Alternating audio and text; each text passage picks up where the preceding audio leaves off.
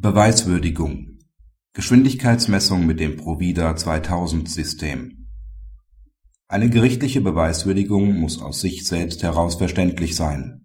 Der bloße Hinweis auf den Einsatz der Videoüberwachungsanlage Provida 2000 ist nicht ausreichend. Das Amtsgericht verurteilte den Betroffenen wegen fahrlässiger Überschreitung der höchstzulässigen Geschwindigkeit. Die hiergegen gerichtete Revision hatte Erfolg. Laut OLG ist das Urteil bereits deshalb fehlerhaft, weil nicht mitgeteilt wird, wie die fragliche Messung mit der Videoverkehrsüberwachungsanlage Provida 2000 vorgenommen wurde. Das Messsystem lässt verschiedene Einsatzmöglichkeiten zu, wie zum Beispiel die Messung aus dem stehenden Fahrzeug, eine Messung mittels Nachfahren oder Vorwegfahren mit konstantem Abstand oder eine Wegzeitmessung.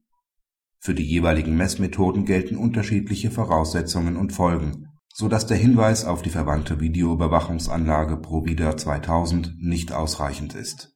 Das OLG bemängelt des Weiteren, dass das Amtsgericht lediglich ausgeführt hat, dass die Geschwindigkeitsüberschreitung durch die in der Hauptverhandlung in Augenschein genommene Videoaufnahme bestätigt wird. Durch den Verweis auf einen ganzen Film könne unklar sein, auf welche Abbildungen konkret verwiesen wird. Das OLG moniert ferner dass auch die konkreten Messergebnisse der Geschwindigkeitsmessung wie die Messstrecke, Geschwindigkeit, Messdauer etc. nicht mitgeteilt wurden. Praxishinweis Das Provida-System ist ein elektronisches Präzisionssystem zur Wegzeitmessung, das dem Trafipax-System ähnelt.